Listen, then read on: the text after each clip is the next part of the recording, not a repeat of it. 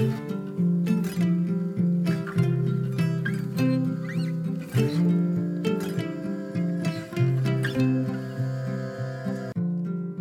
och välkommen till For Health med Anna Sparre. Idag blir det intervju med Jonas Bergqvist med fokus på hälsa för medelålders män. Vad har män för specifika hälsoutmaningar? Och vad är viktigast att tänka på, både när det gäller kost och annat?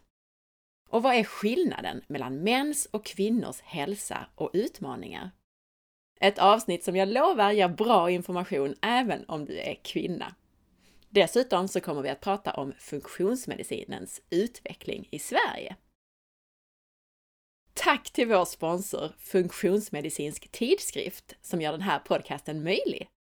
Funktionsmedicinsk tidskrift är Sveriges enda riktiga hälsotidning med breda och fördjupande artiklar och guider. Den vänder sig till alla som vill optimera sin hälsa och alla som på något sätt arbetar med hälsa eller medicin. Den kommer ut sex gånger per år och varje nummer består av 42 späckade sidor om allt som har med hälsa att göra. Bli prenumerant på funktionsmedicinsktidskrift.se. Häng kvar till slutet av avsnittet så låter jag Jonas berätta mer om den här tidningen. Om du gillar den här intervjun så blir jag så glad om du vill dela med dig av den på Facebook, Instagram eller till en vän. Det gör det så mycket lättare för mig att hålla podden levande. Påminner också om att gå in och lämna en recension i iTunes. Tänk på att även om du redan prenumererar på podden så behöver du söka fram podcasten på nytt med hjälp av sökfunktionen för att lämna ett betyg. Ett stort tack till dig som tagit dig tid att göra det! Glöm inte heller att boka mig som föreläsare till ditt event och ladda ner mina böcker om kost, rörelse, livsstil, tarmhälsa och hälsa att äta sig frisk via fliken böcker på forhealth.se.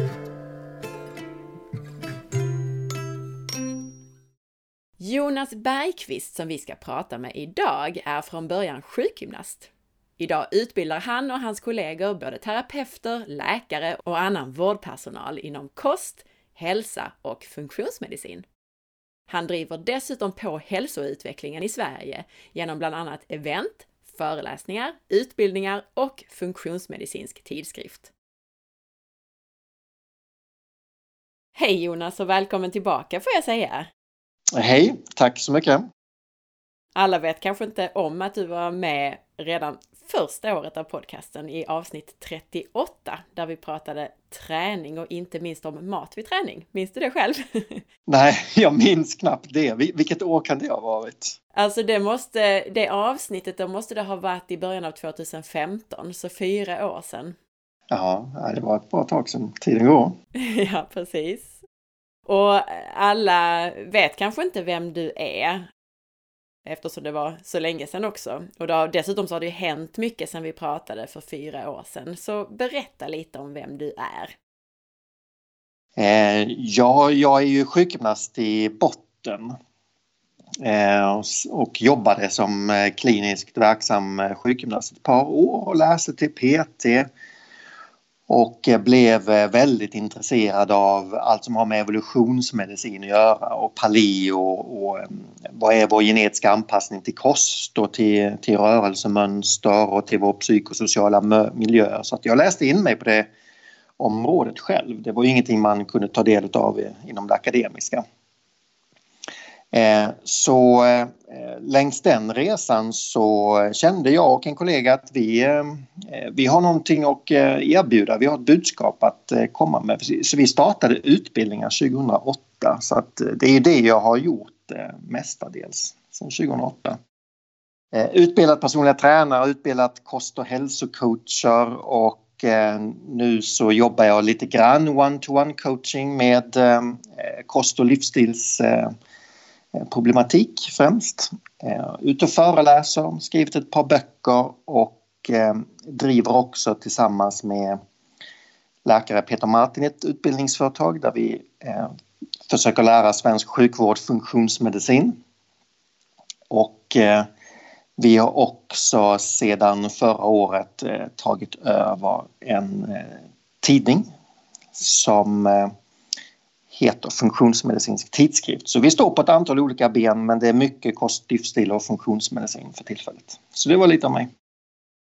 Och jag kan ju tillägga att du är ju verkligen en av de drivande krafterna bakom att sprida funktionsmedicin i Sverige och även eh, paleo och livsstils, eh, alltså att, att man har en sån slags livsstil och kosthållning och så. Så att det är, jag tyckte nästan att du var lite blygsam i din beskrivning. ja, okej, okay, vi, får, vi får krydda den eh, lite då. Eh, nej, men det, det stämmer ju att jag, det är ju min, eh, det är min passion och jag försöker leva som jag lär och jag, jag, jag brinner för det här och försöker kanalisera ut det på så olika eh, sätt som möjligt. Så det, det är roligt att höra att, eh, att det syns och hörs där ute också. Ja men absolut. Och jag tror att lyssnarna känner ju till Peter Martin som har varit med i några avsnitt också och varit väldigt populär. Och just det att ni har teamat upp er och gör så mycket spännande saker ihop. Just det. Temat vi ska prata om idag är hälsa och funktionsmedicin för män i medelåldern. Och eh, det kommer att eh, bli bra tips för alla, men vi vinklar det just mot medelålders män idag. Bland annat eftersom du Jonas numera själv säger dig tillhöra den gruppen och kan relatera då även på ett mer personligt plan. Ja, precis. Om vi börjar med utmaningarna. Vilka är de viktigaste hälsoutmaningarna för män som har passerat 40-strecket? Eh, ja, de kan ju vara ganska många. Det är ju, det är ju så för väldigt många målgrupper eh, i, i, samhället. Vi lever ju i en miljö som inte alls eh, rimmar med vad vi är genetiskt anpassade för, för att knyta an till hela det här paleoperspektivet. Jag kan ju börja med att säga bara att jag, jag brinner lite extra för Eh, just den målgruppen jag själv tillhör. Jag tar ju på mig yrkesglasögonen eh, men sen så kan jag ju relatera till min egen situation ganska så väl och det ger en liten extra dimension för mig själv eh, när jag, när jag tittar mig runt omkring och tittar på mina vänner och, och släktingar och andra i samma ålder. Och jag kan ju tycka att eh, vissa behåller ju sin manlighet och sin vitalitet ganska så väl men många går ju ner sig ganska så ordentligt. Det, eh, man har verkligen eh, man har verkligen möjlighet att påverka sin, sin, sin situation. Kroppen sköter sig inte själv längre. Det krävs lite kloka beslut. Och det handlar ju både om, eh, om kost och näring. Det handlar mycket om träning. Det handlar om sömn och stresshantering och eh, en hel del om relationer. Så det är hela vår eh, livsstil. Och man kan ju säga att alltså mycket medicinsk forskning är gjord på män. Eh, sen allt det som har med funktionsmedicin att göra, autoimmuna sjukdomar, utmattningssyndrom, IBS, eh, hormonella obalanser, det är ju väldigt mycket knutet till, Eh, till kvinnor. Det är kvinnor som är dominerande i de här diagnosgrupperna. Eh, så när jag tittar på många män i, i medelåldern så är det ju väldigt mycket metabolt syndrom. Eh, det, det är eh, det är, det är buk, bukar, det är putmagar, det är övervikt, det är liten eh, muskelmassa, det är en tappad vitalitet hos många och man ser att de börjar åldras en hel del helt enkelt. Eh, så eh, det är inte lika framträdande hos män med autoimmunitet och och IBS även om det också förekommer utan det är ju väldigt präglat av allt som har med, med det metabola att göra. Eh, det är kanske min bild av det hela. Men är det det du menar då när du säger att de har gått ner sig, att det är den här putmagen och minskad muskelmassa? Ja, det är det som syns mycket men sen så äh, märker man ju också att många, många män i medelåldern som eh, börjar få hälsobesvär, de, eh, de mår ju också sämre. De kan vara nedstämda, det kan vara depression och det kan komma från olika orsaker. Ehm, det kan vara nedsatt eh, mental energi, man tappar motivation och, och livsgnista och man kan tappa sexlust och, och mycket av vitaliteten. Och, och, så att det är inte bara det rent, rent kroppsliga. Nej, men jag tänker, du säger att du kan relatera personligen, men när jag träffar dig så ser jag ju verkligen inte dig som någon, någon nedgången. Alltså du har ju, vad ögat eh, förtäljer så har du ju god muskelmassa och du är slank och, och pigg och frisk. Men vad menar du när du säger att du kan relatera? Så har du några personliga eh, hälsomotgångar eller erfarenheter av det? Eh, jag kan ju känna att eh, även om jag lever väldigt sunt, jag tränar ju mycket och, och eh, jag äter bra och jag har bra koll på min, på min stressbelastning så kan jag ändå känna att eh, kroppen inte sköter sig själv längre. Det kräver ganska eh, mycket insatser för att hålla den eh, i trim. Återhämtningen efter träningspass blir längre. Ehm, jag har upplevt att har jag en, en, period när jag inte har kunnat träna så mycket och man börjar slira lite grann med, med kosten så kan jag känna det i kroppen väldigt tydligt på ett sätt som jag inte har kunnat göra tidigare. Och det är, det är naturligtvis på en, eh, ehm, på en nivå som, som inte riktigt motsvarar andras nivå men det är ändå alla vi som är i det här yrket, vi känner ju våra kroppar så otroligt väl så att det kan jag, det kan jag känna väldigt tydligt och då kan jag bara tänka mig om man inte har den här kunskapen och eh, man lägger, man lägger sig lite passiv och, och, eh, och, bara flyter med samhället då kan jag tänka mig att många går ner sig väldigt snabbt och det är ju det, är ju det jag tycker mig se, mig, se också runt omkring mig. Jag kan ju personligen känna att jag blir mer stresskänslig också ju äldre jag blir. Är det någonting och det, och det är många kvinnor som jag arbetar med som också märker av stress mer och mer ju äldre de blir. Är det någonting som, som du ser hos män eller hos dig själv? Eh, egentligen inte. Alltså, tittar jag på mig själv så, eh, så känns det mer som att eh, man har fått livserfarenhet och jag har, eh, jag, jag, har, jag har jagat min karriär, jag har fått min familj, jag har fått min, mina två barn, jag har gått igenom en separation. Jag, gått igenom ganska mycket av det som livet erbjuder, både dalar och toppar. Och eh, det ger någon sorts... Eh, man, man växer ju som människa genom att ta sig igenom eh, livets olika skeden och då, då tycker jag nästan att jag har blivit mer stresstålig. Att jag har en lite avsl mer avslappnad attityd till, till saker och ting och börja, börja förstå kanske vad som är viktigt i livet och vad man inte ska ödsla energi på. Ehm, men sen så jag har, jag har nog aldrig varit speciellt stresskänslig men när jag, när jag tittar så det har jag kanske alltid haft i mig. Ehm, men när jag tittar runt om eh, på eh, vänner och släktingar och ehm, män i min e-, egen, ålder så eh, det som, det som kan ligga bakom väldigt mycket av åldrande hos män och, och ett dåligt mående inombords är ju Eh, Eh, det är ju relationer, det är ju uppbrott, eh, separationer, skilsmässor ehm, och ehm, att eh, många, många män, när man tittar man på just relationer så till, till 70 så är det ju på initiativ av kvinnan ehm, när det gäller skilsmässor och separationer och många män har inte lärt sig verktygen riktigt längs vägen att eh, hantera de här motgångarna. Eh, och då, då kommer de här livskriserna, kan komma ganska så snabbt och hårt och eh, som föder väldigt mycket oro och kaos. Så det kan ju liksom bidra och lägga sig ovanpå allt det här rent fysiska, den här fysiska nedgången som, eh, som också kommer med osund livsstil. Mm. Ja, det var intressant det du sa där. Det kanske är så ja, att kvinnorna initierar ofta separationerna. Ja. Och eh, jag gissar också att, att kvinnor i många fall kanske då är, har drivet och är vana vid att bara köra på medan männen känner sig lite mer lost i den situationen. Och det är min uppfattning av det. Ja, och jag kan ju, jag kan ju dra det till, eh, kan ju liksom jämföra med till 80% så är det ju kvinnor som, som konsumerar hälsa. Det är de som kommer på våra utbildningar, det är de som köper böcker, det är säkert de som lyssnar på på din podd också.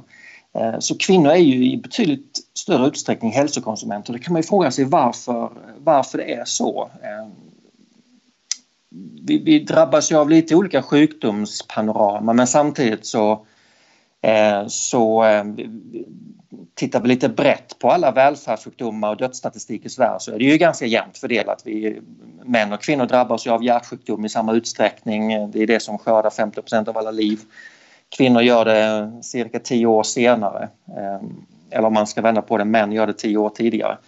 Ehm, men eh, så att det borde motivera båda könen till att intressera sig lika mycket men riktigt så är det ju inte och jag tror att det är många eh, Många män har ju en förmåga att stoppa huvudet i sanden och, och det, det, är prestige, det är, ehm, det är en, eh, eh, man, man, kör på och eh, Eh, så det finns inte alls samma drivkraft och motivation till att lära sig att jobba med sig själv och eh, ta tag i många av de här delarna. Man ska klara saker själv på ett annat sätt när man är man också, är det inte så? Jo, det ligger säkert lite prestige och tupperi och lite stolthet bakom, bakom det hela. Och det är ju Ehm, jag är otroligt intresserad av alla livsstilens delar och jag tycker att eh, när man har eh, när man har engagerat sig väldigt mycket i kosten och man har engagerat sig väldigt mycket i träningen och man tycker att man har, har det på plats i sin egen livsstil så, så, så blir nästa steg blir automatiskt att göra den inre resan och jobba med de eh, inre delarna kring sina tankar, känslor och beteendemönster. Eh, men det är inte det är långt ifrån alla män som gör den inre resan och som, eh, som inte riktigt har verktygen att eh, hantera livskriser. Då. Och det föder liksom någon sorts eh, ja, brist på beredskap och oro och lite kaos när, det, när saker och ting väl, väl inträffar. Ja, nej men där har du nog en poäng för att de hälsosammaste och mest eh, tillfreds männen jag känner det är de som arbetar väldigt mycket med det inre, alltså de mediterar och så vidare. Så att det, eh, ja. det ligger nog mycket i det. Jag funderar också på det här med skillnaden varför kvinnor då konsumerar hälsotjänster i större utsträckning. Jag tänker det här att det här, om du nu pratar om att de, de, största problemen för män är att man tappar muskelmassa och får lite bukfetma då. Att det är någonting som man tänker, ja ja, det är väl, eh, jag får väl skärpa till kosten när det väl när det väl är dags så att säga och så får jag träna lite och så är allt på platsen. Mm. Alltså äta lite mindre och springa lite mer, att det är många som tänker så kanske. Medan då kvinnor, om de nu drabbas av autoimmuna sjukdomar och, och IBS och de går till doktorn och så får de ingen hjälp och då kanske man, man mer hamnar i det här sökandet efter hur ska jag göra, vad kan jag göra själv? Ja. Nej, jag tror det ligger mycket i det också. Men man kan väl nästan säga så att det här moderna samhället, eh, det är ju, mm, kvinnor är ju lite känsliga mot det. De råkar lite mer illa ut och gör det lite tidigare. Och det, det föder de här lite diffusa symptomen som är funktionsmedicinens kärna med krångliga magar och eh, att man är trött och sömnlöshet och så vidare medan män kan köra på på ett helt annat sätt och sen så kommer den här eh, putmagen och, och man känns lite otränad men det, är inget, det blir inget akut av det utan man, eh, eh, man kör på, det, det blir lite estetiskt och så går åren och så, eh, så rullar det på.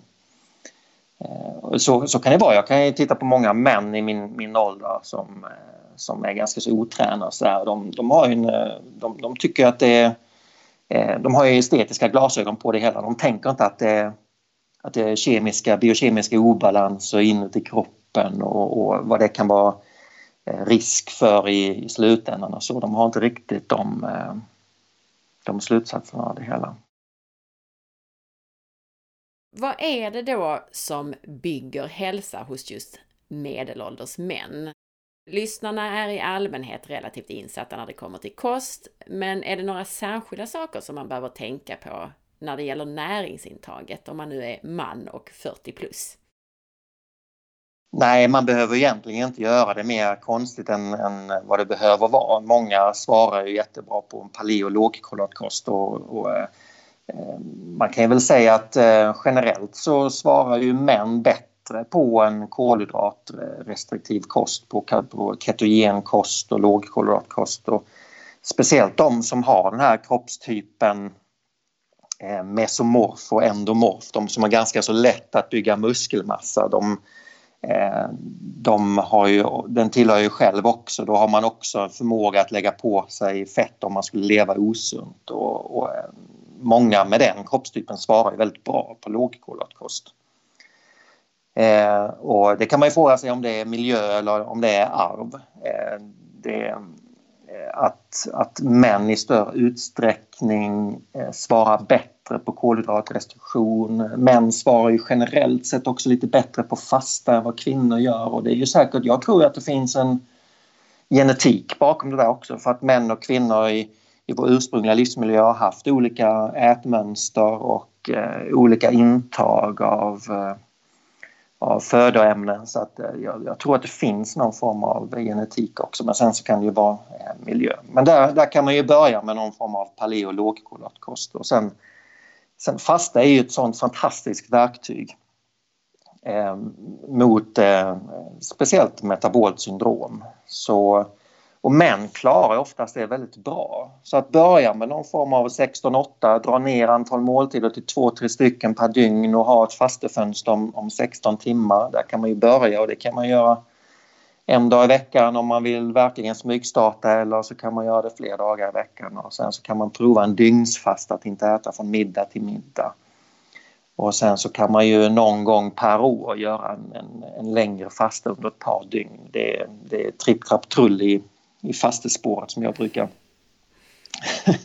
som jag brukar nämna. Ehm, men sen är ju träning, träning är ju ett fantastiskt sätt att öka eh, de anabola hormonerna i kroppen, testosteron. För nedgången hos män 40 plus kan ju handla om att det är eh, lågt testosteron. Det är ganska svårt att eh, bara titta på ett testosteronvärde. Eh, och, och säga att det här är lågt. Eh, du behöver öka testosteronet. Det är ju det är bara ett hormonvärde och eh, det är alltid frågan om vad som är hönan och ägget. Mår man dåligt och därmed får en, eh, ett lågt testosteron som man eller får man ett lågt testosteron, och därmed mår dåligt? Det, är, eh, det kan vara lite svårt att urskilja men när jag, när jag jobbar med klienter så, och, och träffar män så gör de ju ofta en blodpanel där man mäter serumtestosteron. Eh, och eh, så det, det, det, tycker jag är någonting som många män bör göra när man kommer upp mot 35-40. Eh, så man, man känner att kroppen inte riktigt eh, eh, går på autopilot längre. Att man gör en eh, blodprofil en gång om året eller en gång vartannat år. Eh, där man tittar på det metabola syndromet, man tittar på de vanligaste näringsämnena och man, man titt, där har man också eh, serum med testosteron. Mm. Och då har man ju det här klassiska intervallet att under 8 nanomol är ju brist på testosteron, det är ett lågt värde. Mellan 8 och 12 nanomol det är en gråzon. Och sen över 12 är eh, normalt värde. Men i den här gråzonen då måste man ju eh, Ehm, i funktionsmedicinens anda så måste man ju inbegripa många olika parametrar. Man tittar på testosteron, man tittar på övrig näringsstatus och, och de övriga hälsoparametrarna och man tittar på vikt och man tittar på kroppssammansättning och, och eh, man fångar upp alla symptom och så, eh, och så häller man ner allting i den här tratten och eh, försöker förstå vad det är som, eh, som saknas för att bygga hälsa. Jag vill bara gå tillbaka kort till det här du sa med kosten. Jag tycker det är så spännande att reflektera över det här med skillnaderna mellan män och kvinnor. Och jag tänkte ja. det, det, du sa där om att män generellt svarar bättre på en striktare lågkolhydratkost och eh, striktare med fasta och sådana här saker. Jag håller fullständigt med dig och det är också vad jag har sett. Och då funderar jag lite grann, dels som du då, att det är dels kanske en evolutionärt och genetisk sak att man Eh, som kvinna kanske man, man var mer av en samlare och, och åt oftare medan männen var och jagade och åt en gång om dagen kanske då. Mm. Men jag tänker också på det här, alltså varför då kvinnor är känsligare för att få autoimmuna sjukdomar, IBS och så vidare att det finns en stressparameter i det. Att dels tror jag att kvinnor är mer stressade och sen kanske kvinnor också är mer stresskänsliga eftersom det finns en så stark då koppling till stress när det gäller både, både autoimmuna sjukdomar men framförallt IBS och SIBO och så vidare. Ja, Jo, precis. Eh, och det är, ju, det är ju säkert en blandning av eh, arv och miljö. Jag tycker också det är ofantligt intressant att resonera kring eh, biologiska skillnader. För mig för mig är ju eh, kön är ju biologi. Det är inte helt och hållet bara sociala konstruktioner utan vi, vi har ju biologiska skillnader mellan män och kvinnor. Eh, och eh, sen så kommer ju allt, eh, hela den, den, sociala biten eh, ovanpå det också. Ehm, det, för det kan ju också vara så när det gäller stress så ehm, ehm,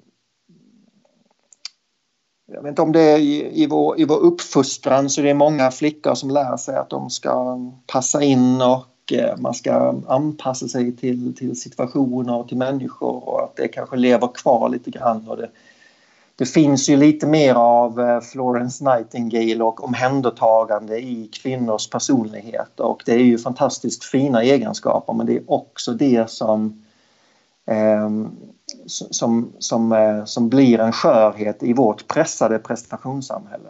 Eh, så många, många kvinnor med fantastiska fina egenskaper råkar illa ut. Det är de som drabbas av utmattningssyndrom. Eh, där man har svårt att sätta gränser och man, man bär andras ansvar. Så, så det, är, ja, det är både, både arv och miljö. Precis, jag håller helt med dig och det här med att kvinnor ska vara, man lär sig att man ska vara en duktig flicka så att säga. Mm. Det skapar ju en del stress.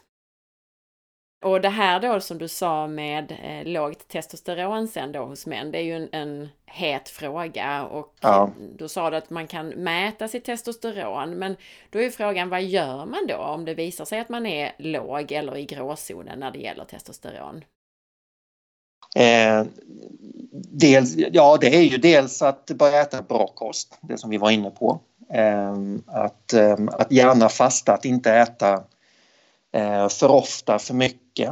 Eh, när man mäter testosteron så ska man göra det på, eh, på morgonen i fastande läge för då ligger man ju 30% högre i testosteronvärde än vad man gör resten av dagen.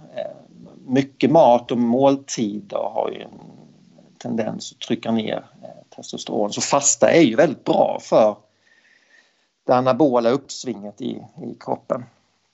Sen handlar det om träning och eh, det är ju, det är ju många som, eh, som tränar i sin bekvämlighetszon. Man går ut och springer sin 5 runda som man alltid har gjort. Det, är bekvämt, man kan gå på autopilot. Och, men eh, även upp i hög ålder så att, eh, att träna tufft, eh, belasta ordentligt, styrketräning, tung styrketräning, eh, korta intervaller, att verkligen belasta kroppen driver ju också ett uppsving av anabola hormoner det är ju nästan det kraftfullaste eh, verktyget. Börja styrketräna, bygg lite muskelmassa. Eh, det, det är ju fantastiskt. Mm. Ja men det är det. Och för kvinnor också. Många kvinnor ja. jag träffar är också låga i testosteron förresten. ja, verkligen. Du sa du att när det gäller kosten så är en av de viktigaste sakerna då att inte äta för ofta och att fasta ibland. Men om vi tittar mm. på själva delarna i kosten, vilka delar i kosten är mest testosteronhöjande? Eh, animalisk mat skulle jag säga och då, då kommer man ju automatiskt in på den här, det blåser ganska hårda vegovindar just nu och eh, det, det, kommer jag att försöka vara en motståndare till de där vindarna här eh, framöver. Jag tycker det är otroligt onyanserat hela, hela debatten. Eh, men Eh, Eh, att äta, eh, alltså människan är ju en blandätare, vi mår ju bäst av att äta en blandning av animalisk och vegetabilisk mat. Sen så kan vi placera oss lite på lite olika ställen längs eh, skalan. Och man kan använda lite olika kosthållningar under en viss period i terapeutiskt syfte. Men tillhör man just den här kroppstypen som bygger ganska lätt muskelmassa och eh, och som också har lätt att gå upp i vikt så, så, så mår ju väldigt många män bra av eh, animalisk mat. Kött och inälvsmat och protein och fett. Mm, precis. Och det är ja. bra att du säger protein och fett när du säger animalisk kost. Det betyder inte att man behöver äta ett par kilo kycklingfilé om dagen utan det handlar ju om att äta fetare delar så att man proteinbehovet är inte extremt stort utan det är ju, man får ju fett på köpet. Det är det som gör att man får energi och mättnad också. Ja, precis. Och det finns ju en studie som visade att eh, åt man eh, 40 energiprocent fett kontra en kosthållning som innehåller 25 energiprocent fett eh, så hade man ju eh, högre testosteronvärde på eh, 40 procent än 25 procent. Så att upprätthålla ett fettintag är ju, verkar ju vara centralt för eh, testosteron.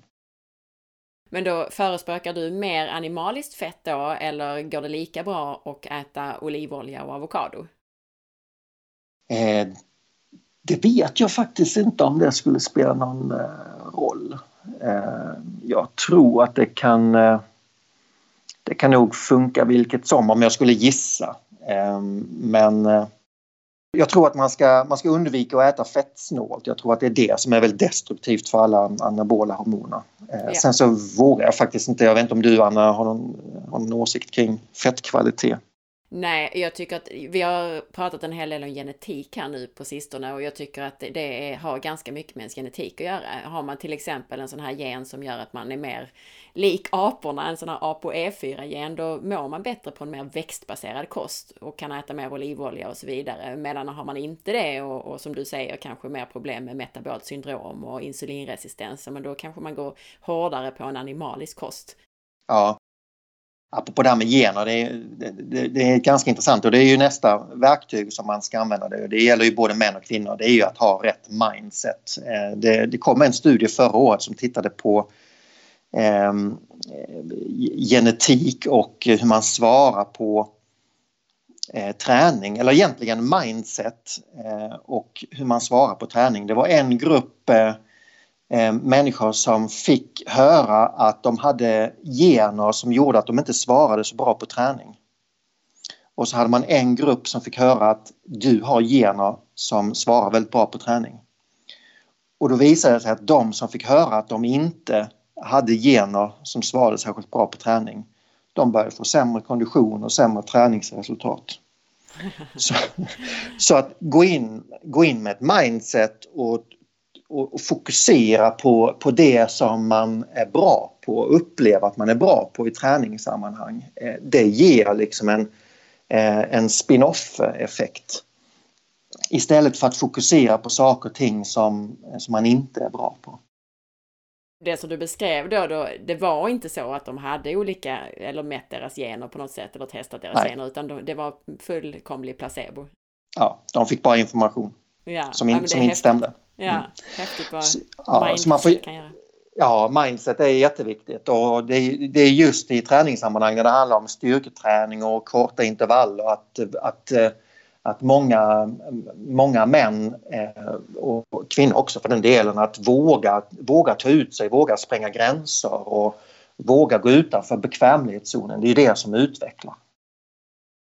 Och sen får män gärna sikta på att ligga mellan 10 till 15 procents eh, kroppsfett eh, livet ut. Det kan vara ett, eh, ett bra mål. Mm.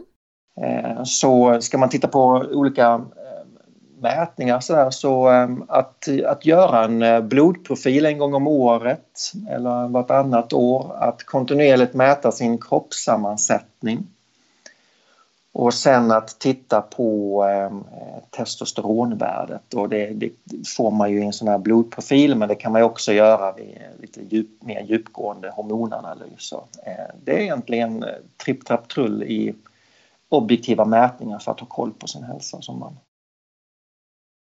du betonar ju träningen väldigt mycket och just träning och kost vid träning, det pratade vi om i vårt förra avsnitt tillsammans då för ungefär fyra år sedan.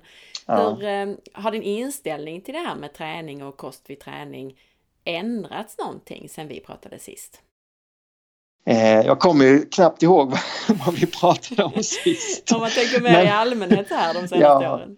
Jo, alltså jag själv, eh, jag själv tränar ju och tävlar lite grann inom veteranfriidrott och, och eh, jag tycker det är fantastiskt roligt och jag älskar ju själv att spränga gränser och, och eh, plocka fram träningskillen i mig själv och, och bara vara fullständigt i nuet. Jag, jag, jag, kan väl säga så här att jag eh, träning betyder lite, lite mer nu. Det är, inte, det är inte bara Eh, fysik och, och, resultat utan det är, det är verkligen eh, mental närvaro, mindfulness, att man, man är här och nu under ett tufft träningspass. Det är jätteviktigt att eh, träna tillsammans med, med, med, andra. Det sociala i den situationen eh, är vikt, en viktig del eh, i livet. Eh, så eh, det betyder så otroligt mycket mer än bara själva träningen.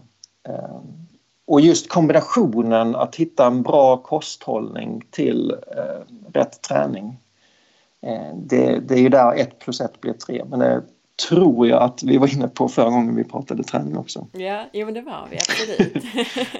ja. men, eh, och nu kom du in lite grann på de här lite mjukare sakerna. Innan, vi har ju fokuserat mycket här nu på hur viktig kosten är och träningen är.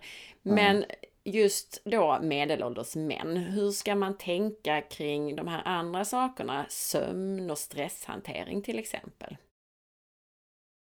Ja, sömn är det inget speciellt för män så, utan det är ju, det är ju allmänna eh, sömnråd och sömnhygien. Eh, man kan ju tänka, speciellt när man om man, om man pratar med yngre killar så där, och eh, man, man inte får dem i säng på kvällen och tonåringar uppe halva natten. Så där, Eh, Eh, det kan ju slå ganska så hårt på eh, den hormonella balansen. Testosteron utsöndras ju i pulsar de tidiga eh, timmarna när man, när man sover och når ju sitt högsta värde så på morgonen på fastnande mage. Så det är väldigt viktigt med, med sömn för, för återhämtning och, och för att bygga upp den anabola miljön i kroppen. Så sömnhygien är ju en, en, det är ju en central del för, för män. Mm, jag tänkte också på det här med sömn, att eh, en del män som jag träffar, de lägger lite prestige i att kunna sova mindre. Så att jag tycker det är bra att du betonar det här att vi behöver sömnen för just tillväxthormon och annat. Ja. Nej visst, det är ju, och då kommer vi in på det här med stress också. Det är ju lite, det är fortfarande lite prestige i åtminstone vissa, vissa delar av samhället så att det, det det är fint att stressa, det att, att ha mycket att göra, att vara svår att nå. Det är lite, det är lite prestige i det, man är lite viktig då. Eh, och det där måste man ju släppa därför att eh, morgondagen kommer ju bara innehålla eh, eller för många kommer det innehålla målet att äga sin tid. Det är det som kommer vara den stora begränsningen, det är att vi inte äger vår tid. Eh, och att äga sin tid, det, det är, väldigt, eh, det är väldigt viktigt. Att ha kontroll Eh, Eh, över sin, eh, sin vardag. Eh, jag kan också tycka att eh, träning fyller ju eh, otroligt viktiga funktioner rent socialt. Och för mig är det ju väldigt viktigt att ha, ha den träningsgruppen som jag är med i och träffa andra killar. Vi sitter i bastun efteråt och, och snackar lite grann och det, det, det betyder ganska så, ganska så mycket. Eh, och eh, om vi kommer in på, på ja, relationer och stress och sådär så är ju väldigt många män som tappar sina vänkretsar under småbarnsåren och under den perioden man bildar familj. Och så var det lite grann för mig också.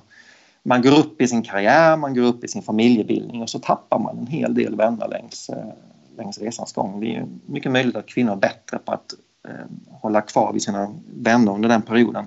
Men många, många män upplever jag tappar sina vänner. Och eh, det är ganska, där, där, kan ju träning och träningsgrupper fylla en ganska så viktig funktion. Att ha kvar sin, eh, sin manscrowd helt enkelt. Är den viktig? Alltså relationer är viktiga, det, det kan vi konstatera. Men är det viktigt att ha relationer till andra män just? Ja, jag tror ju det. Jag, här kan vi komma in på väldigt kontroversiella områden men det är ju jätteintressant att diskutera. Jag tror ju någonstans att Eh, det som bygger trygghet och, och en stark mansidentitet liksom, och i, det är ju hälsa och, och välmående. Eh, det är ju att män ska hitta andra män att umgås med, att hitta den tryggheten eh, och sen så kan vi kommunicera och skapa relationer med kvinnor. Jag tror det är jätteviktigt och jag tror det är precis tvärtom för kvinnor också. Och jag tror det är det som är Eh, en utmaning nu för att nu ute i, i landsbygden så läggs eh, fabriker ner och fotbollslagen eh, finns inte längre när man växer upp och, och blir lite äldre. Så här, man tappar den här naturliga, det här naturliga umgänget. Och då ska vi, vi män får ju då ofta höra att eh, eh ja, men det, det, är viktigt att eh, eh sätta ordet på sina eh, känslor och, och kunna prata om sina känslor. Men jag tror att det är jätteviktigt för många mäns välmående och, och mäns trygghet att ha kvar eh, manliga vänner, finna tryggheten där först innan vi kan skapa ett fint kommunikationsklimat till, till kvinnor och skapa relationer med, med kvinnor. Eh, det tror jag är centrala delar. Men det är kanske lite out of topic från din podd, Anna. Men det, det hör ju... Jag tycker det, det är jättespännande. ja, det hör ju samman med hälsa och välmående. Precis. Nej, jag håller ja. med dig. Jag tycker det är en jätteviktig aspekt som du tar upp. Absolut. För det är ju ja. så, så det har jag sagt i tidigare avsnitt också, att det är många som nästan snöar in sig lite för mycket på till exempel kost eller träning.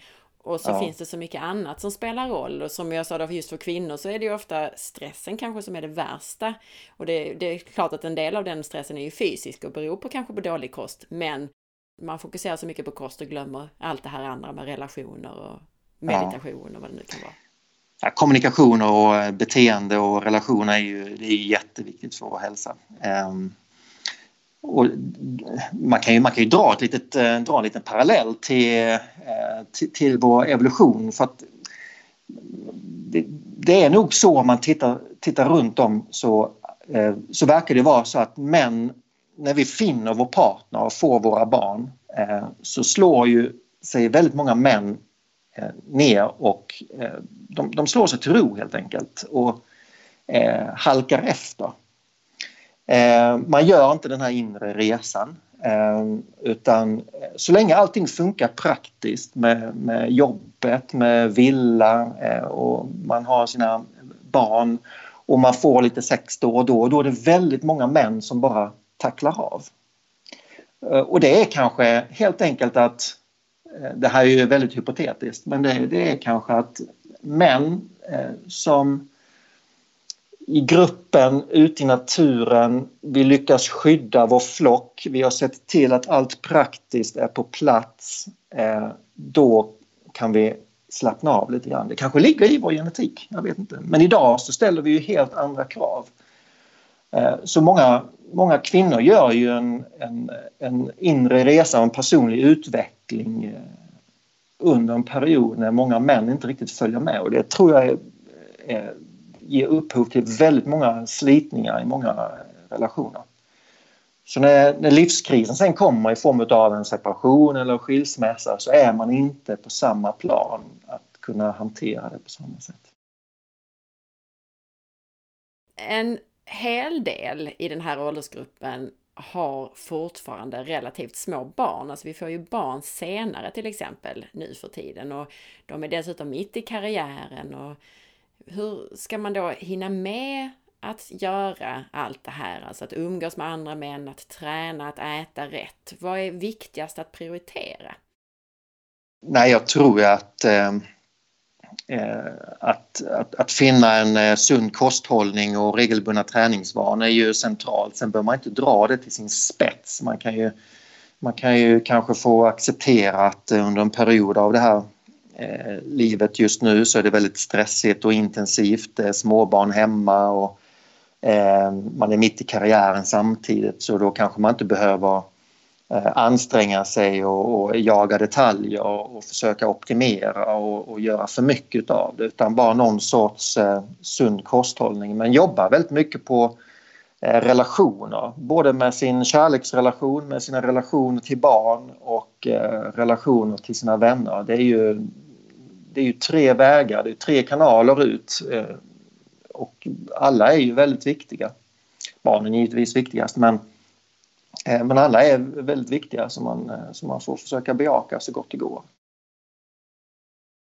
Du berättade om vad som är viktigt för dig personligen när det gäller då att äta bra och framförallt det här med träningen och gemenskapen kring det.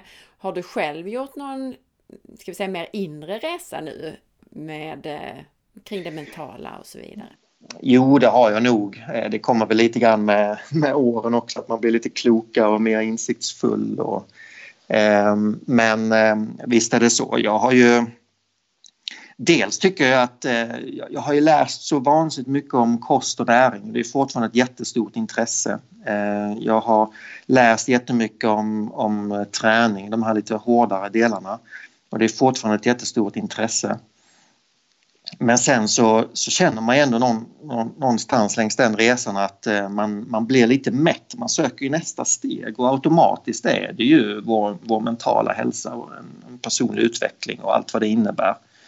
Eh, det är det som gör hela hälsoarbetet komplett på något sätt. Så att jag har ju själv eh, jag har provat många olika behandlingsformer och terapiformer. Jag har gått i terapi och har, jag är väldigt reflekterande som person så att så det har jag Eh, den resan eh, har jag nog gjort delvis. Eh, och vem är klar med den resan? Det är man ju aldrig. Det är ett ständigt sökande och en förståelse för sig själv och, och så. Men jag tycker jag har kommit en bit och jag har ju jag har en separation bakom mig med en bra dialog och bra, bra relationer både till mina barn och mina, mina barns mamma och Eh, så det, eh, det, det, får man, eh, det får man vårda. Eh, men jag ser ju också runt omkring mig separationer och skilsmässor som är väldigt smutsiga där, eh, där, det, eh, där det inte blir lika harmoniskt. Så, många gånger så handlar det om oförmåga att kommunicera, oförmåga att sätta ord på sina känslor och tankar och eh, oförmåga att se vad som krävs för att skapa relationer med andra människor. Och det, här är ju, det här är ju saker som, det här ska ju varje skolbarn lära sig. Man ska ju ha mat, näring, fasta, träning, stresshantering och relationer. Det här är ju, det här är ju livskunskap, det ska in i skolan. För skulle både män och kvinnor lära sig det från början så skulle vi kunna hantera livet på ett helt annat sätt tror jag. Väl talat, verkligen. Och just det här du sa också att man vågar gå till en, då en psykolog eller annan terapeut så att säga. Just, jag tänker för i USA där går man till sin shrink liksom. Det, det är ju ja. helt eh, naturligt. Men i Sverige så ska vi absolut klara allting själva och särskilt om vi är män. Ja, verkligen. Och, eh, men helheten är ju fantastisk och det är, det är helheten man får, man får ta in. Det är, människan är ju både beteendeterapi men den är också biologi och biokemi. Eh, så det går inte heller bara jobba med tankar och känslor om man är helt dränerad på näring och inte har energi och, och mår dåligt rent fysiskt. Så det ena föder det andra. Ehm, och det har varit ganska intressant att se i vårt, eh, i vårt eh, klassrum också när vi, ehm, när vi utbildar beteendeterapeuter som börjar intressera sig för, de, för den rena biokemin i hjärnan. Eh, och sen har vi rena biokemister som börjar förstå att eh, eh kroppen inte bara är biokemi utan det är tankar, känslor och beteendeterapi också. Eh, så när man har båda de här glasögonen på sig på, på våra biologiska funktioner så, så breddas ju förståelsen något enormt. Om vi nu ska försöka summera allt det här i någon slags topp tre eller topp fem strategier för medelålders män. Väldigt konkret, vad ska vi göra, eller de göra, för att må bättre? Äta fett och protein och vara försiktig med dåliga kolhydrater. Mm. Fasta och träna hårt. Och dåliga kolhydrater, det är då typiskt processad mat, bröd och liknande? Ja, precis. Socker, bröd och allt som är, eh, allt som är processat sött. Ja, det var ett par saker. Något mer? Eh, det är ju att, att prioritera sömn och sen så våga, våga jobba med sitt inre. För det kan, det kan skänka väldigt mycket hälsa och välmående. Var ska man börja då om man nu står och känner sig helt lost? Vadå arbeta med mitt inre? Var, var ska man börja? Ja, jag är inte expert på det men det, det jag har gjort är att jag har läst böcker. Jag har, eh, jag har gått i terapi men där är ju vänner en viktig funktion också. Att prata, att hitta vänner som man verkligen kan prata med och det, det tycker jag har ju varit väldigt svårt. Jag har alltid haft väldigt få manliga vänner som jag har kunnat prata väldigt öppet med. Och det är ju en jargong som killar många gånger har mellan sig. Det är, det, det är, det är ytligt och det är lite och det är lite prestige och det är lite tupperi och det är en himla massa mansok liksom på axlarna så här, och hävdelsebehov hos många. Och, eh, så att manliga kompisar som jag verkligen kan prata med, de, de växer inte på träd. Eh, så eh, det är väl också något tips att eh, börja plocka bort energitjuvar och se över sin vänskapskrets. Vilka är det som verkligen finns där och kan ge en energi. Någonting annat för just medelålders män? Eh, någonting är ju att eh, tittar jag i min träningsgrupp, jag tränar ju då veteranfriidrotter, det finns ju fantastiska killar där som är uppåt eh, 50-60 år som presterar något enormt. De har en grym fysik, grymt mindset, grym hälsa. Eh, så det här naturliga åldrandet som finns hos befolkningen, den här idén om att eh, alla krämpor kommer och kroppen går ner sig och man blir tröttare och tröttare med åren. Allt det här, eh, det där slår ju vi ner eh, ganska så rejält. Man kan ju bibehålla en fantastisk manlighet, vitalitet, hälsa, man bibehåller sina testosteronnivåer, man bibehåller muskelmassa upp i, i hög ålder. Så att det är bara att frigöra sig från alla, alla de här eh, normerna och, eh, och, och, verkligen intala sig själv att eh, man kan leva friskt och vitalt eh, fram tills man dör i princip upp i hög ålder och det, det valet har vi själva, det har vi i våra egna händer. Så att det är bara till att bestämma sig.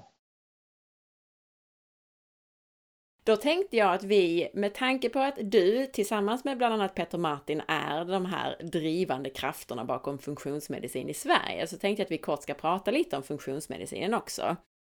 Och vi har haft avsnitt om just funktionsmedicin och vad det är för någonting, bland annat med Cecilia Fürst i avsnitt 54 och med Diana Noland i avsnitt 155 där vi också kommer in på mer praktiska saker kring funktionsmedicinen med den här eh, matrisen till exempel, alltså hur man arbetar med det som terapeut. Men väldigt kort för den som inte har lyssnat på de här avsnitten, vad är funktionsmedicin? Funktionsmedicin är ju en, eh, det är ett kunskapsområde och en arbetsmetodik som, eh, som, som verkligen eh, adresserar de underliggande orsakerna bakom kroniska sjukdomar. Ehm, och det är ju så att Myndigheten för vårdanalys 2014 konstaterar ju i sin rapport att 85 procent av alla pengar vi puttar in i sjukvårdsbudgeten eh, går till kroniska sjukdomar, resten är trauman och, så vidare. Så 85 procent handlar om kroniska sjukdomar. Eh, och sen finns det en eh, studie från 2016 som vi brukar använda som visar att ungefär Eh, 83 procent av kroniska sjukdomar beror på eh, livsstil, resten på genetik. Så 83 procent av 85 procent, då landar vi ungefär på 72. Någonting sådär. Så drygt 70 procent av alla pengar vi puttar in till vårt enorma sjukvårdssystem idag eh, går till eh, kroniska livsstilssjukdomar. Och då har vi en sjukvårdsapparat som inte alls möter den verkligheten. De tittar inte alls på orsakerna bakom det. Utan det är symptomdämpning eh, och eh, eh, ingen orsaksbehandling. Så jag brukar säga så här att skulle man ta vilken annan bransch som helst och man skulle driva någon form av verksamhet där man är så dålig på att möta verklighetens behov så skulle man vara out of business på en gång. Mm. Så det är den mismatchen vi har idag och funktionsmedicin det är ju ett kunskapsområde, en arbetsmetodik som möter precis det här. Det är ju förståelsen för vad som verkligen orsakar alla de här kroniska livsstilssjukdomarna. Och då landar vi ju i eh, orsaker som eh, mag-tarmpatologier, eh, genetiska polymorfismer, eh, näringsobalanser, eh, hormonella obalanser eh, etc. Men mag-tarmpatologier är ju en stor del av det hela. Mm. Och de är ju involverade i andra saker, jag tänker autoimmuna sjukdomar och så också som är en stor del av det här. Ja, precis. Ja, nej, men det var intressant det du sa här att eh, precis vilken annan bransch som helst hade inte överlevt och det kan man kanske koppla till att det är en stor offentlig sektor och det drivs av politiker som väljs på bara fyra år. Ja, man kan ju koppla det till eh, många, eh, många orsaker. Precis, det är politiker styrt en offentlig sektor, det är, eh, det är läkemedels livsmedelsindustri som driver utveckling. Det, ja, det finns många orsaker varför det ser ut som det gör. Då förstår man ju också varför funktionsmedicin behövs. Och hur ser du på utvecklingen av funktionsmedicin i Sverige? Vad tror du kommer hända? Det är ju helt uppenbart att det är någonting som kommer att öka eh, både bland yrkesutövare och också i förståelse hos, eh, hos befolkningen därför att eh, det, en hel del av funktionsmedicinens kunskap drivs underifrån. Det är ju det här sökandet från människor som inte får hjälp inom den konventionella vården. Då söker man ju egna lösningar och man läser på och försöker förstå själv. För det handlar väldigt mycket om livsstils, livsstilsfaktorer. Eh, och vi märker också att det blir ett allt ökat intresse från eh, vårdgivare, legitimerade vårdgivare som börjar förstå att eh, eh det här är ett helt eh, eh det här, är en, eh, det här är en fortsättning på skolmedicinen, det är ingenting som ska ersätta. Det här är ju en fortsättning, en naturlig fortsättning för att nu, nu lever vi i en värld där vi inte dör av trauman och infektioner längre som vårt sjukvårdssystem är uppbyggt kring. Utan vi lever i en värld där majoriteten dör av att vi lever fel. Om man uttrycker det så. Tror du att funktionsmedicinen kommer fortsätta att vara så privat som den är idag? Alltså det är ju, eh, man får ju betala den ur privat ficka så att säga. Ja, jag tror att vi kan, eh, eh, det kommer nog vara så en, en, en tid framöver men jag tror att när, när utvecklingen väl bör snabbas upp så kan det gå ganska så fort. Jag tror att vi kommer att se en, eh, en, en, utveckling på den privata vårdsidan först. Privata kliniker, eh, läkare och sjuksköterskor som sätter upp sina enheter och eh, som möter den efterfrågan som finns från befolkningen. Försäkringsbolag är förmodligen de som kommer att driva på det här främst. Det finns ju många försäkringsbolag idag redan som, som är jätteintresserade av funktionsmedicin. Det eh, finns stora pengar för försäkringsbolag att spara och det finns det från näringslivet också. Så försäkringsbolaget tillsammans med näringslivet kommer jag tro, tror jag kommer vara de stora pådrivande krafterna.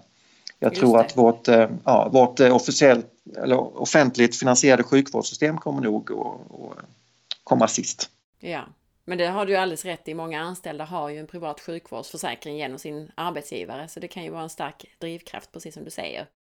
Ja. Ja, och det är ju så. Vi lever längre men vi har fler sjukare år i livet. Och eh, är det då funktionsmedicinen som är det som ska göra att vi vänder den här utvecklingen för befolkningen? Ja, det som, eh, eh, det som ingår i funktionsmedicin, sund livsstil och att man hela tiden söker efter de underliggande orsakerna bakom olika former av ohälsa. Det är ju det är någonting som kan verkligen revolutionera folkhälsan eh, när, när det här kommer ut på, på bred front. Eh, vi ser ju i vår verksamhet eh, mirakel varje eh, vecka. Peter rapporterar om eh, mirakel från sin klinik och vi får ju ta del av väldigt många historier i klassrummet och jag möter från mina klienter eh, historier där, där människor har läkt eh, från sjukdom och ohälsa eh, på fantastiska sätt eh, genom att börja förstå de underliggande orsakerna och göra någonting åt det. Och i det här ligger ju också mycket det här att man ser sin hälsa som ett eget ansvar istället för det här att okej, okay, nej men nu mår jag inte bra, då går jag till doktorn och så hjälper doktorn mig. Nej, precis. Eh, ansvaret placerar vi hos eh, patienterna patienten eller klienterna själva och det är ju det är en kulturell förändring vi behöver i samhället också. Ehm, att eh, ehm, vi kan inte gå till sjukvården och tro att, att doktorn ger mig någonting som återställer min hälsa så att jag lever lycklig resten av mina dagar utan vi måste ju bära det här ansvaret helt själva och förstå att vi har det i våra egna händer. Vi styr vårt eget öde. Så, så använder man en, en doktor som, som en eh, coach, som en samarbetspartner. Man hämtar in information där och så läser man själv och så lyssnar man på andra. Man lyssnar på yrkesutövare i friskvårdsbranschen som är duktiga på funktionsmedicin. Så tar man in från olika håll och kanter och sen så bär man sitt eget ansvar och tar sina egna hälsobeslut. Du och eh, Peter Martin har tagit över det som tidigare hette Näringsmedicinsk tidskrift och numera heter Funktionsmedicinsk tidskrift. Just det. Berätta lite om den här tidningen och varför byter ni namn på den?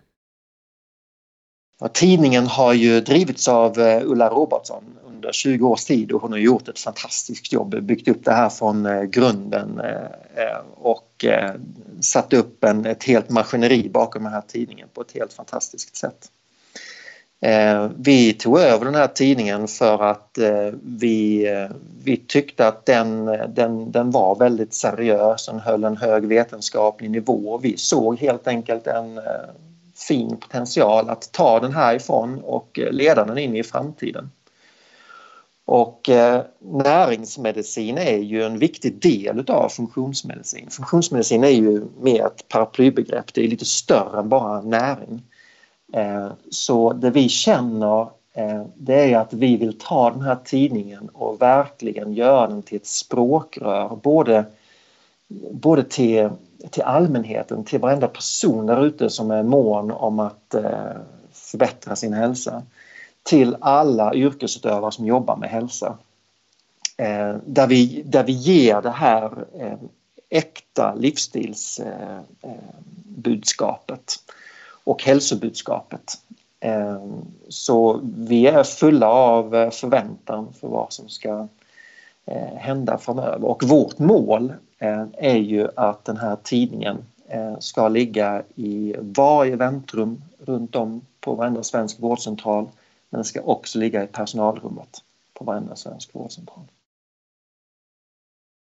Berätta om innehållet i tidningen. Vad kan man förvänta sig? Den har ett brett innehåll. Den har ju väldigt fördjupande artiklar och enligt vårt sätt att se det är egentligen den enda riktiga eh, hälsotidningen i Sverige som, som, som går djupt och brett. Eh, och eh, så det är ju teman eh, i varje nummer eh, och det kan vara eh, allt ifrån lite smala ämnen till lite bredare ämnen och det kommer att handla fortfarande väldigt mycket om kost och näring så alla som har prenumererat på näringsmedicinsk tidskrift kommer ju känna igen sig.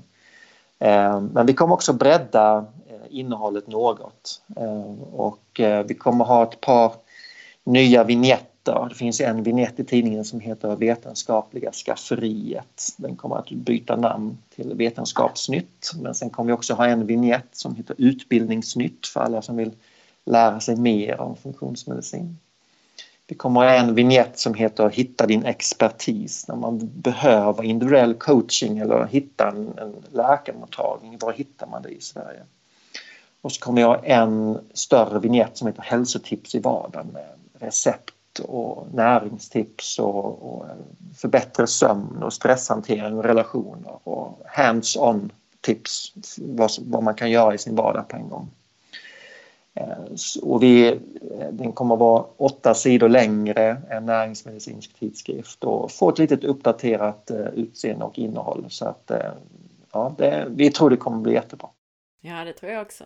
Kan man förvänta sig några längre reportage på särskilda ämnen eller diagnoser eller så? Oh ja, det, det, kommer, det kommer vara, det är ju längre artiklar.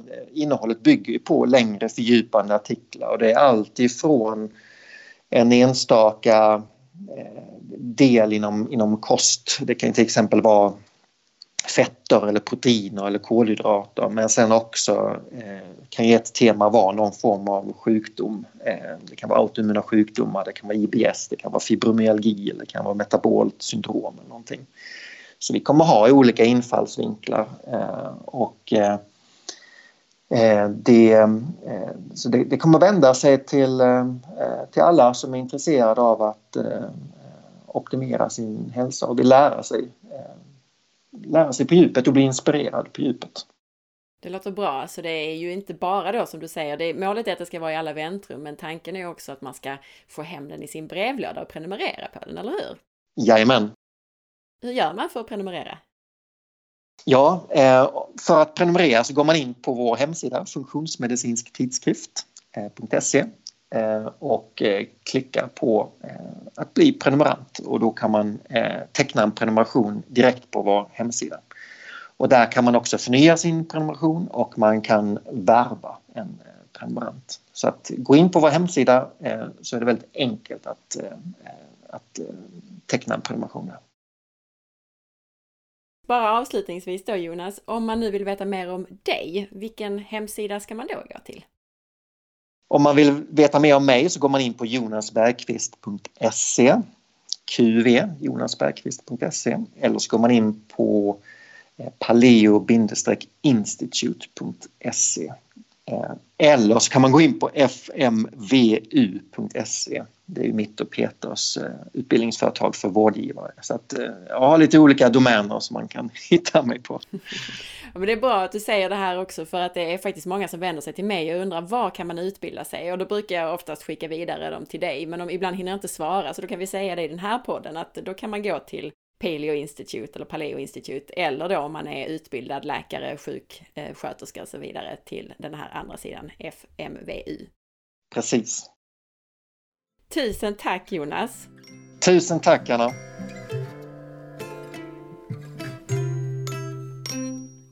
Tack för att du lyssnade! Jag hoppas att du gillade intervjun.